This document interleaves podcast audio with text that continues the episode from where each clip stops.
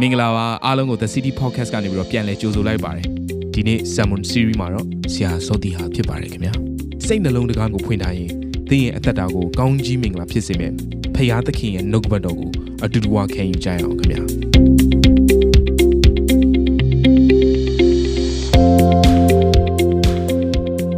အားလုံးကိုရှလုံးလို့နှုတ်ဆက်ချင်ပါတယ်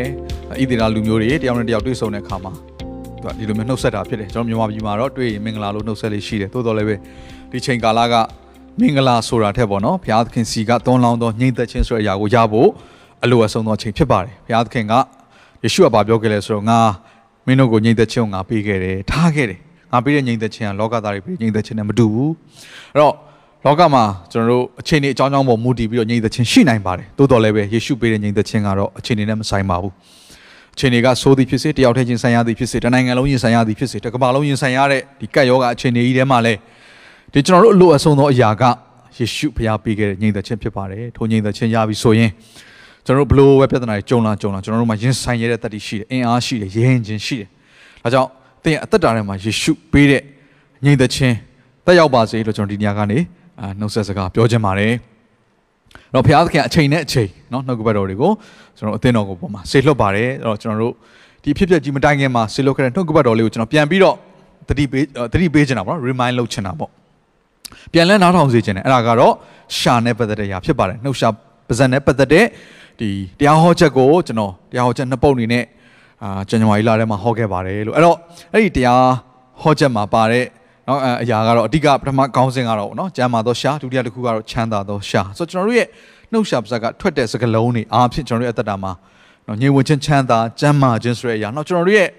အနာဂတ်ကိုပင်ပြောင်းလဲပေးနိုင်တဲ့စကားလုံးတွေနော်ဒီနှုတ်ရှာပါဇက်ကိုသုံးပြီးတော့လှုပ်ဆောင်လို့ရတယ်ဆိုတဲ့အရာကို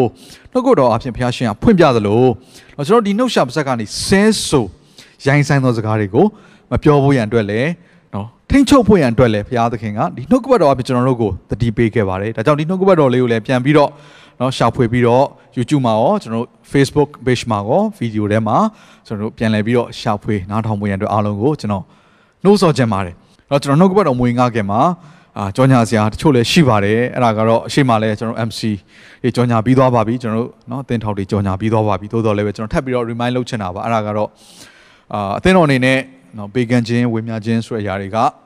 ရက်တံမသွားပါဘူး။ကျွန်တော်အမြဲတမ်းလှုပ်ဆောင်နေတဲ့အရာဖြစ်တယ်။သို့တော်လည်းပဲဒီချိန်ကအားလုံးကနိုင်ငံရေးဆိုတဲ့အရာပေါ့နော်နိုင်ငံအရေးဒါနိုင်ငံနဲ့ပတ်သက်တဲ့အာ political ဘိုင်းကိုအားလုံးအာရုံစိုက်နေတဲ့အတွက်ကြောင့်မလို့ကျွန်တော်တို့အနေနဲ့မလိုအပ်တဲ့ post တွေကိုတင်တာမျိုးတွေအဲပုံမှန်အဖြစ်မလုပ်ပါဘူးဒါကြောင့်မလို့အာเนาะဒီနေ့ပေးလူတော်သူတွေကငါတို့ပေးလူတဲ့အရာတွေเนาะအာဆရာတို့အနေနဲ့ဘယ်လိုပုံစံနဲ့အသုံးပြုနေလဲဆိုတာကိုစဉ်းစားကောင်းစဉ်းစားပါလိမ့်မယ်အဲ့တော့ကျွန်တော်တို့အသင်းတော်ကိုပေးလူတော်အလှရှင်များကိုကျွန်တော်အနေနဲ့ဒီညကအသိပေးခြင်းပါတယ် လာတိုင်းမှာကျွန်တော်တို့လိုအပ်တော်သူများစီနောက်တစ်ခုကမိဘမဲ့ကလေးများကိုကျွန်တော်တို့ကျွေးမွေးခြင်းပြုစုခြင်းဆိုတဲ့အရာကိုငွေကြေးစားတောက်တွေကိုသုံးပြီးတော့လှုပ်ဆောင်လည်းရှိပါတယ်အဲ့ဒါအပြင်အခုလောလက်လက်เนาะကျွန်တော်တို့ကြုံတွေ့ရတဲ့အရာကတော့ကျွန်တော်ယုံကြည်သူအတိုင်းဝိုင်းထဲမှာကျွန်တော်နဲ့လက်လန်းမိတဲ့လောက်ထဲမှာအကြောင်းမျိုးမျိုးကြောင့်ယုံသွားမတက်ရတဲ့မသွားမတက်တဲ့ပေါ့နော်ညီကိုမောင်နှမမိသားစု90လောက်ရှိပါတယ်။ဘာပဲဖြစ်ဖြစ်သူတို့မှလည်းခက်ခဲမှုတွေရှိမှာပဲဆိုတော့ကျွန်တော်တို့နားလေဒါကြောင့်မလို့အသင်းတော်အနေနဲ့လည်းကျွန်တော်တို့ သူတို့ကိုဒီမိသားစု90လောက်ကိုလည်းကျွန်တော်ပံ့ပိုးပေးဖို့ပြင်ဆင်နေပါတယ်လို့ဒါကြောင့်အာလှမ်းမေးပြီးတော့ပေးလှူနေတဲ့လူတွေရှိပါတယ်ကျေးဇူးတင်တယ်အခုလိုမျိုးเนาะဘန်တွေကနေတစ်ဆင့်ကျွန်တော် mobile banking တွေသုံးပြီးတော့ပေးလှူတာတွေ wave နဲ့ပေးလှူတာတွေကံဘောစာပေးစသဖြင့်ပေါ့အမျိုးမျိုးတချို့ကလည်းလူကိုယ်တိုင်လာရောက်ပြီးတော့အစားအသောက်တွေအာငွေကြေးတွေလာပြီးတော့ပေးလှူတာရှိပါတယ်တချို့ကလည်းမလာနိုင်လို့ဖုံးဆက်ပြီးတော့လာပြီးတော့ယူပေးပါဆိုပြီးတော့ဖုံးဆက်တဲ့သူတွေလည်းရှိပါတယ် ကျွန်တော်အရောက်စီတိုင်းကိုဒီညကနေဂျေဇုတင်တယ်ဆိုရပြောချင်ပါတယ်လိုအပ်သောသူတွေစီကိုအခုချိန်မှာကျွန်တော်တို့ရဲ့ရှိတဲ့ကောင်းကြီးမင်္ဂလာများကိုပြန်လဲဝေမျှဖို့ရန်အကောင်းဆုံးသောအချိန်ဖြစ်ပါတယ်အသင်းတော်အနေနဲ့ကတော့ဒီຢာကိုအာကျွန်တော်လိုအပ်သောသူတွေစီကိုအရောက်သွားဖို့ရန်ရောက်သွားဖို့ရန်အတွက်တာဝန်ယူပြီးတော့အာကျွန်တော်အမှုတော်ဆောင်တွေကဒါအပတ်စဉ်တိုင်းမှာနော်အလင်းသင့်တယ်လို့အမြဲတမ်းလှုပ်ဆောင်နေတဲ့အရာတစ်ခုဖြစ်ပါတယ်လို့အဲ့တော့အာရန်ကျေးဇူးတင်တဲ့အကြောင်းလည်းပြောချင်တယ်သင်တို့ကိုဖခင်ရှင်ကြွယ်ဝစွာတောင်းလောင်းပါစေ အဲ့တော့ဒီနေ့နှုတ်ကပတ်တော်ကတော့အခက်ခဲဆုံးသောအချိန်ကာလရောက်နေတဲ့အချိန်မှာကျွန်တော်ယုံကြည်သူများကဘလို့ပုံစံနဲ့နော်အာလှုပ်ဆောင်မလဲအသက်ရှင်မလဲဆိုတဲ့အရာမှာနော်အချိန်မြင့်ရမယ့်အရာနှစ်ချက်ကိုကျွန်တော်ဒီနေ့နှုတ်ကပတ်တော်ဝင်ငှခြင်းပါတယ်အဲ့တော့ပုံမှန်သွားနေလို့မရတော့ဘူးဟုတ်ပြီနော်အချိန်မြင့်နေဆိုတဲ့အရာကပုံမှန်လှုပ်ရိုးလှုပ်စင်နဲ့ပို့ပြီးတော့အာတိုးမြင့်ပြီးတော့လှုပ်ဆောင်တာအခက်ခဲဆုံးအချိန်ကာလမျောလင့်ချက်မဲ့တဲ့အချိန်ကာလကျန်းစာရပြောမယ်ဆိုတိုက်ပွဲကိုကြုံရတဲ့အချိန်ကာလ နော်ရာဇဝင်ကျုပ်ဒုတိယဆောင်ခန်းကြီး20မှာဆိုရင်အဖြစ်ပြက်လေးတစ်ခုရှိတယ်ဒီနေ့ဒီအဖြစ်ပြက်ကိုအခြေပြုပြီးတော့ကျွန်တော်တို့ဒီအချက်နှစ်ချက်ကိုပြောသွားမှာဖြစ်တယ်ဆိုတော့ပထမချက်ကဘာလဲဆိုတော့ပထမအဆုံးအချိန်မရမရတခုကဘာလဲဆိုဆုတောင်းခြင်းဖြစ်တယ်အဲ့တော့ဒီကျမ်းစာကိုကျွန်တော်ဖတ်လိုက်တဲ့အခါမှာအငယ်တက်ကနေစဖတ်တဲ့အခါမှာထိုနောက်မှမောဘအမျိုးသားနှင့်အာမုံမျိုးသားတို့သည်အေဒုံအမျိုးသားတို့နှင့်တကွယောရှဘတ်ကိုစစ်တိုက်မည်ဟုခြိလာကြ၏ဆိုတော့ဒါဣသရေလရဲ့နာ အစ္စရေးတိုင်းနိုင်ငံမြေပုံကိုကြည့်လိုက်မယ်ဆိုသူ့ပတ်ဝန်းကျင်မှာဝိုင်းထားသမျှတိုင်းနိုင်ငံအားလုံးဟာသူ့ကိုရန်ပြုတဲ့တိုင်းနိုင်ငံဖြစ်တယ်အခုတော့ဒီတိုင်းနိုင်ငံ၃နိုင်ငံကရှိသမျှလူတွေကစုဝေးပြီးတော့နော်ဒီဣသရေလတိုင်းနိုင်ငံဒီနေ့ပြောရမယ်ဆိုရင်ဒါယောရှဘတ်ဒီဒီအာကျမ်းစာထဲမှာပါတဲ့နော်ရှင်ဘုရင်နာမည်ကယောရှဘတ်လို့ခေါ်တယ်ဆိုတော့ယောရှဘတ်ရဲ့လက်ထက်မှာလာပြီးတော့တိုက်ကြပြီတိုက်တဲ့ခါကျတော့ဒီယူဒပြည်ကိုလာတိုက်ဖို့ ပြင်တဲ့လူအင်အားကစစ်တပ်အင်အားအယမ်းများတဲ့ခါမှာကျမ်းစာကဘယ်လိုရေးလဲဆိုအငယ်၃မှာယောရှဘတ်သည်ကြောက်၍သာရဘုရားကိုရှာခြင်းကသဘောချလျက်အစာရှောင်အချိန်ကိုယူဒပြည်တစ်လျှောက်လုံး၌ကြီးညာစေတော်မူ၏ကိုကတစုံတစ်ခုသောပြဿနာကိုရင်ဆိုင်ရတော့မယ်ဆိုရင်ရင်ဆိုင်ရမယ့်ရန်သူကအင်အားကြီးနေတယ်ကိုကနိုင်မို့ရဘလို့မှမဖြစ်နိုင်တော့ဘူးဆိုတဲ့အရာမျိုးပေါ့နော်ကြုံဆုံလာရပြီဆိုရင်ကျွန်တော်အားလုံးရဲ့နှလုံးသားထဲမှာရောက်လာတဲ့အရာတစ်ခုကဘာလဲဆိုကြောက်ရွံ့ခြင်းဖြစ်တယ်အဲ့တော့ယုံကြည်သူတွေမကြောက်ရဘူးလားဆိုတော့မဟုတ်ပါဘူး လူဆိုတာကခံစားချက်ရှိတာပဲเนาะစိတ်ယုံမှမဟုတ်တာအဲ့တော့ကျွန်တော်တို့ကဒေါသထွက်တဲ့ချိန်ရှိမယ်နော်ဒေါသထွက်လို့လဲနောက်ဆုံးမှမထိန်နိုင်မဲနဲ့ဆဲဆိုတဲ့စကားတွေထွက်လာတာပေါ့နော်။အော်ကျွန်တော်တို့ကအခုဒါနှုတ်ကပတ်တော်အားဖြင့်ကဲဒေါသတော့ထွက်လို့ရပါတယ်။ဒါဒေါသထွက်เสียအကြောင်းရှိရင်ထွက်မှာပဲသို့တော်လည်းပဲဒေါသကိုထိန်းချုပ်နိုင်ခြင်းဆိုတဲ့အရာဒီညပြနှုတ်ရှာပါစနဲ့ထိန်းလို့ရတယ်ဆိုတဲ့အရာကိုပဲကျွန်တော်တို့ကနှုတ်ကပတ်တော်အားဖြင့်တွန်းတင်တာဖြစ်တယ်ဆိုတော့ဒေါသထွက်တဲ့ချိန်ရှိမယ်အဲ ဝမ်းနေတဲ့ချိန်ရှိမယ်ကြေကွဲတဲ့ချိန်ရှိမယ်အဲ့တော့ဒီနေရာမှာရှင်ဘရင်ဖြစ်တဲ့ယောရှဘက်ကစစ်တိုက်ဖို့နေနေတာသာညံသူကိုရင်ဆိုင်ဖို့နေနေတာသူကပထမအဦးဆုံးဖြစ်တဲ့ယာတုကဘာလဲဆိုတော့ကြောက်တယ်တဲ့ဒါပေမဲ့ तू ကြောက်တဲ့ခါမှာဘာလုပ်လဲ तू တိုင်းတခြားတိုင်းနိုင်ငံအဝေးကြီးကိုလှမ်းပြီးစစ်ကူတောင်းတဲ့ယာမျိုးလည်းမလုပ်ဘူးအာသူ့ရဲ့တိုင်းနိုင်ငံမှာရှိတဲ့လူတွေကိုကဲတခါစစ်ရေးပြင်ဆင်မှာဆိုတဲ့အရာ तू ပထမအဦးဆုံးမလုပ်ဖ ೇನೆ तू ပထမအဦးဆုံးလုပ်တော့အရာကဘာလဲဆိုတော့ तू ကအစာရှောင်ပြီးတော့ဆူတောင်းရမယ့်အချိန်ကာလကိုတဲ့တိုင်းပြည်တစ်ခုလုံးမှာကြီးညာပလိုက်တယ် တော့ကျွန်တော်တို့ဒီကိုရင်ဆိုင်ရမယ့်ပြဿနာကြီးကကျွန်တော်တို့ထင်မှတ်ထားသလိုကျွန်တော်တို့အတွက်မျှော်လင့်ချက်တွေဖြစ်မလာတော့ဘူးဆိုရင်အောင်မြင်ဖို့လမ်းစားတွေမမြင်တော့ဘူးဆိုရင်ဒါမှမဟုတ်ရင်အထက်မှာတော့ကျွန်တော်တို့စိုးရိမ်မှုပဲဖြစ်ဖြစ်စိတ်တကြမှုပဲဖြစ်ဖြစ်အနာဂတ်နဲ့ပတ်သက်ပြီးစဉ်းစားတဲ့အခါမှာမရေရာမှုနဲ့ကြောက်ရွံ့မှုတွေရှိတယ်ဆိုရင်ပထမဆုံးလုပ်ရမယ့်အရာကဖျားစီကိုတိုးဝင်ဖို့ဖြစ်တယ်ဘယ်လိုပုံစံနဲ့တိုးဝင်မလဲအစာရှောင်ဆုတောင်းခြင်းနဲ့တိုးဝင်ဖို့အရန်ရည်ကြီးပါတယ် အဲ့တော့အစာရှောင်ခြင်းဆိုတဲ့အရာနော်ဆူတောင်းခြင်းဆိုတဲ့အရာကဒီနေ့ကျွန်တော်နော်ဆိုတော့ကျွန်တော်ပြောခဲ့တဲ့ခေါင်းစဉ်လိုပဲအရှိန်မြင့်တဲ့အရာပေါ့အရှိန်မြင့်ခြင်းအခက်ခဲဆုံးသောအချိန်ကာလမှာဘာကိုအရှိန်မြင့်မလဲဆူတောင်းခြင်းကိုအရှိန်မြင့်မယ်ကဲဒါဆိုရင်အစာရှောင်ဆူတောင်းခြင်းဆိုတဲ့အရာကိုဘယ်လိုပုံစံနဲ့အရှိန်မြင့်မလဲအဲ့တော့ယောရှဘကသူကကြေညာလိုက်တဲ့အခါမှာယူဒလူတို့သည်ထာဝရဘုရားကိုဆူတောင်းမိဟုဆုဝေး၍ထာဝရဘုရားကိုရှာအံ့သောငါယူဒမျိုးရှိသမျှမှထွက်လာကြ၏အဲ့တော့ဆူတောင်းခြင်းဆိုတဲ့အရာက ကျွန်တော်တို့အားလုံးသိရမယ့်အရာတစ်ခုကတယောက်တည်းဆုတောင်းတဲ့အချိန်ရှိတယ်မိသားစုလိုက်ဆုတောင်းတဲ့အချိန်ရှိတယ်အဲ့ဒီလိုပဲယုံကြည်သူအားလုံးကတည်ငြိမ်တညွတ်နဲ့တည်ငြိမ်တညွတ်ထဲနဲ့ဆုတောင်းတဲ့အချိန်ဆိုတာလေရှိပါတယ်အဲ့တော့ယောရှဘတ်ကသူတိုင်းပြည်တစ်ခုလုံးအနေနဲ့ရင်ဆိုင်ရတဲ့ရန်သူကြီးကိုမြင်တဲ့အခါမှာသူကတယောက်တည်းဆုတောင်းဖို့နှိုးဆိုတာလည်းမဟုတ်တော့ဘူးသူ့မိသားစုလိုက်နန်းတော်မှာရှိတဲ့လူတွေပဲဆုတောင်းဖို့နှိုးဆိုတာမဟုတ်တော့ဘဲနဲ့တိုင်းပြည်တစ်ခုလုံးဖခင်ကိုရှာကြပါဘယ်လိုပုံစံနဲ့ရှာမလဲအစာရှောင်ခြင်းဆုတောင်းခြင်းနဲ့ရှာကြပါဆိုနှိုးဆော်တဲ့အခါမှာတိုင်းပြည်တစ်ပြည်လုံးမှာရှိတဲ့ ယူဒလူတွေကထွက်လာတယ်ဆိုတော့မြန်မာပြည်အတိုင်းအတာနဲ့ကျွန်တော်အခုပြန်လဲနှိုင်းရှင်ပြီးပြောမယ်ဆိုရင်ကဲမြန်မာပြည်ရဲ့အခုအခြေအနေဟာညင်ဝချင်းချမ်းသာဖြစ်နေတာမဟုတ်ပါဘူးเนาะကျွန်တော်တို့ကြားရတဲ့သတင်းစကားအားလုံးဟာစိတ်ချမ်းသာစရာမရှိပါဘူးเนาะမရှိပါဘူးအဲ့တော့ဒီလိုအချိန်တွေမျိုးမှာဆူတောင်းခြင်းဆိုတဲ့အရာကကျွန်တော်တို့တဦးတယောက်တည်းဆူတောင်းခြင်းလည်းမဟုတ်တော့ဘူးမိသားစုတစုတော့ပဲအသင်းတော်တပားလောက်ပဲဆူတောင်းခြင်းမဟုတ်တော့ဘဲနဲ့ဒီမြန်မာနိုင်ငံမှာရှိသောယုံကြည်သူတိုင်းကဖခင်ကိုရှာရမယ့်အချိန် မြန်မာပြည်မှာရှိသောအသင်းတော်တိုင်းအမှုတော်ဆောင်တိုင်းကအသင်းတော်တစ်ခုလုံးကိုနှိုးဆော်ပြီးတော့မိမိလက်လန်းမရယုံကြည်သူအားလုံးကိုနှိုးဆော်ပြီးတော့တိုင်းပြည်ပြည်လုံးတစ်ခုလုံးကအစာရှောင်ခြင်းနဲ့ဖះကိုရှားမယ်အချိန်ဖြစ်ပါတယ်ဒါဟာအရှိန်မြင့်ခြင်းနီလန်တစ်မျိုးဖြစ်တယ်ဘာကိုအရှိန်မြင့်တာလဲတယောက်တည်းဆူတောင်းတာမဟုတ်တော့ဘူးမိသားစုတစ်ခုတည်းမဟုတ်တော့ဘူးအတိုင်းဝိုင်းတစ်ခုတည်းမဟုတ်တော့အားလုံးဆိုအရေးအတွက်မှာအရှိန်ကိုမြင့်လိုက်တာဖြစ်တယ်အရေးအတွက်မှာတိုးမြင့်လိုက်တာအဲ့တော့ဒီနေ့မြန်မာပြည်မှာယုံကြည်သူ ဘယ်နှယောက်ရှိလဲဆိုအတိအကျကျွန်တော်တို့မသိပေမဲ့တေချာတစ်ခုကတော့နော်တန်းနဲ့ချီပြီးတော့ရှိပါတယ်မြန်မာပြည်မှာယုံကြည်သူများအဲ့တော့မြန်မာပြည်ရဲ့အရရက်မှာရှိသောယုံကြည်သူများနိုင်ငံရဲ့မှာရှိသောမြန်မာလူမျိုးယုံကြည်သူများကဘုရားသခင်ကိုမသိတဲ့သူတွေကသူတို့ရဲ့နီလန်သူတို့ရဲ့ခွန်အစွမ်းတရရှိသမျှနဲ့သူတို့လှုပ်ဆောင်နေတာသူတို့လှုပ်ဆောင်တဲ့အရာဒါလှုပ်မှာပါပဲဒါပေမဲ့ယုံကြည်သူတွေကလည်းဒီနေ့နော် ကျွန်တော်လှုပ်ရမယ့်အရာတချို့ရှိတယ်အဲ့ထဲမှာ